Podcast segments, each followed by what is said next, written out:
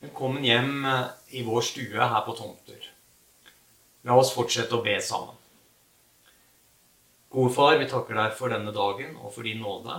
Vi takker deg for ordet ditt og ber om at eh, ordet må bli levende for oss. Amen.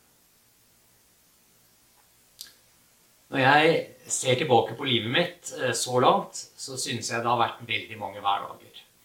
Ja, kanskje til og med vanskelige hverdager. Og Likevel så syns jeg at jeg har hatt et eh, godt og spennende liv. Jeg tror jeg deler det med mange flere, og kanskje også med noen av dere. Sykdom, sorg, eh, brutte relasjoner, utfordringer på jobb og i familie hører med til hverdagen i våre liv. Og For noen så er det mange slike dager, mens for andre langt færre. Ingen av oss går nok helt klar. De siste ukene så har vi opplevd at noe av den ytre tryggheten i livet vårt er blitt rokka ved. Vi har kjent på usikkerhet og manglende kontroll. Noen har blitt syke. Andre har familie eller venner som er blitt syke. Noen har mista noen de var glad i. Noen har mista jobbene sine eller går og er redd for å miste jobben. Mange har fått større økonomiske utfordringer. Jeg tipper eh, vi alle har sett plakaten 'Alt blir bra'. Og kanskje har vi kjent på litt ulike følelser. Men akkurat nå så er det i hvert fall disse ordene mange mennesker klamrer seg til. Men er det sant? Blir alt bra? Kan alt fikses? Og hva når ikke alt blir bra? Hva med alle de som har mistet noen de var glad i? Hva hjelper det meg om andre kan gå tilbake til en normal hverdag hvis ikke jeg kan gjøre det? Det er eh, særlig to tekster i Det nye testamentet som eh, jeg stadig kommer tilbake til når jeg syns livet blir vanskelig, når jeg møter motgang av et eller annet slag. Det ene det er eh, teksten om døperen Johannes som sitter i fengsel. Den finner du i Matteusevangeliet, kapittel 11. Og Den andre fortellingen den kan du finne i Johannes 5. Og Den handler om Betestadammen, der mange syke lå og venta på en engel som skulle røre ved vannet, slik at de kunne bli friske. Begge fortellingene forteller om mennesker som opplevde Jesu mirakler i sitt eget liv. Men de forteller også om mennesker som ikke opplevde disse miraklene. La oss begynne i Johannes 5. Fortellingen om Betestadammen. Betestadammen besto egentlig av to dammer. Dammene har opprinnelig hatt en funksjon i forhold til tempeltjenesten, men ble etter hvert kjent som et sted der det skjedde helbredelser, både ved jødene sin gud og ved hedenske, altså dvs. Si romerske guder. Og på Jesu tid så var dette derfor et sted som samla mange funksjonshemma og syke, og det var store forventninger knytta til vannet i dammen. Og på mange måter så kan man vel si at dette var den tidens alternative healingmiljø. Jeg merker meg særlig i denne teksten at det er bare én mann som blir helbreda. Og det er denne ene som får alt fokuset. Ja, faktisk nå, 2000 år etterpå også. Men det er veldig mange som har ligget like lenge som denne mannen ved dammen, i håp om å bli frisk. Og de fortsetter å ligge der. Slektninger har båret dem ut dit tidlig på morgenen og hentet dem hjem sent på kvelden. Andre har ikke hatt noen til å hjelpe seg i det hele tatt. Jeg tenker det er flere likhetstrekk med vår tid. Vi lever i en tid med et mylder av behandlingstilbud for syke. Tradisjonelt helsevesen, alternativ medisin, healing, forbønn. Og hvis man er syk, og ikke prøver alt, så blir man kritisert for ikke å prøve alt. Vil du ikke bli frisk? Og hvis man stadig leter etter nye ting, så blir man kanskje kritisert for å prøve alt ukritisk. Jeg opplever at denne teksten først og fremst sier noe om at Jesus ser den enkelte. Han er ikke avhengig av spesielle ritualer, menneskers tro eller handling eller omgangskrets, for den saks skyld. Jesus helbredet ikke mannen som et resultat av noe han hadde gjort. Han bare gjorde det. Når Jesus gjør et mirakel, så er det fordi han vil gi oss et glimt av Guds rike. En forsmak på himmelen. Han gjør det for å lære oss noe. For at mennesker skal se og tro.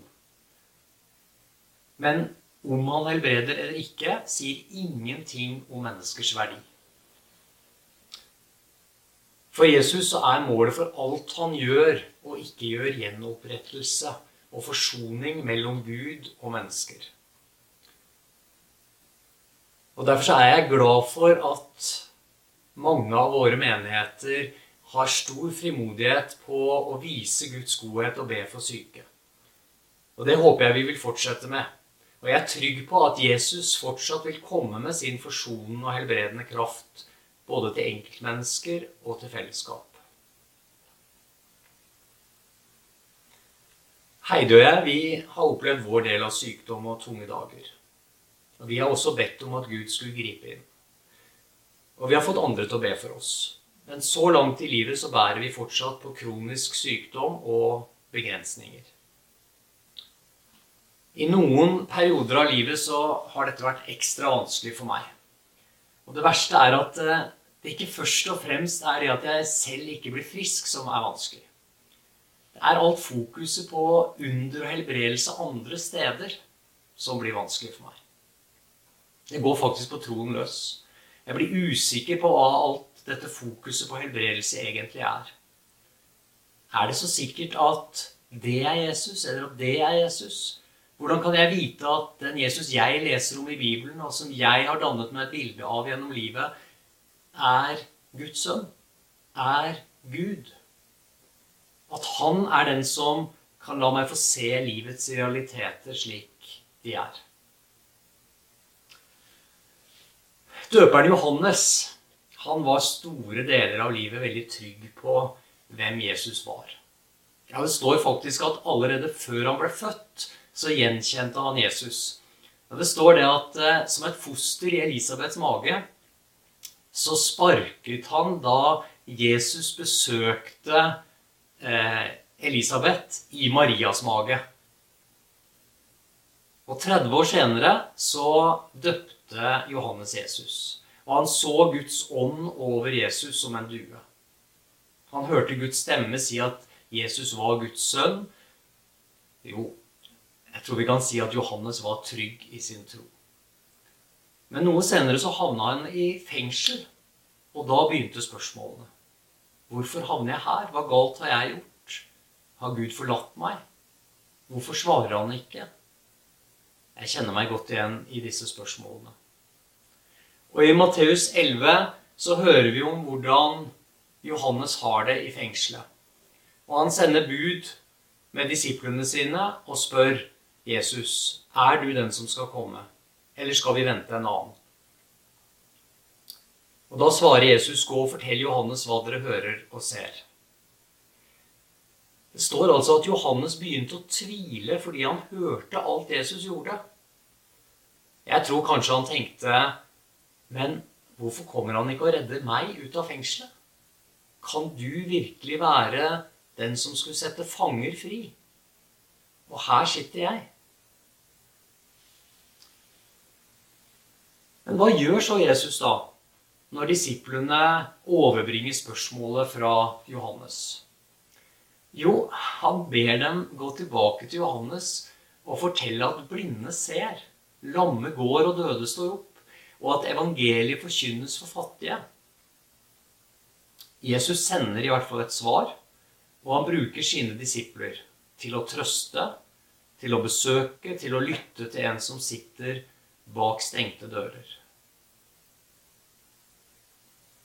Jeg har lyst til å si til deg i dag uansett hva dine stengte dører heter, så vil Jesus møte deg. Og han sender deg til andre som trenger en hilsen ifra Jesus.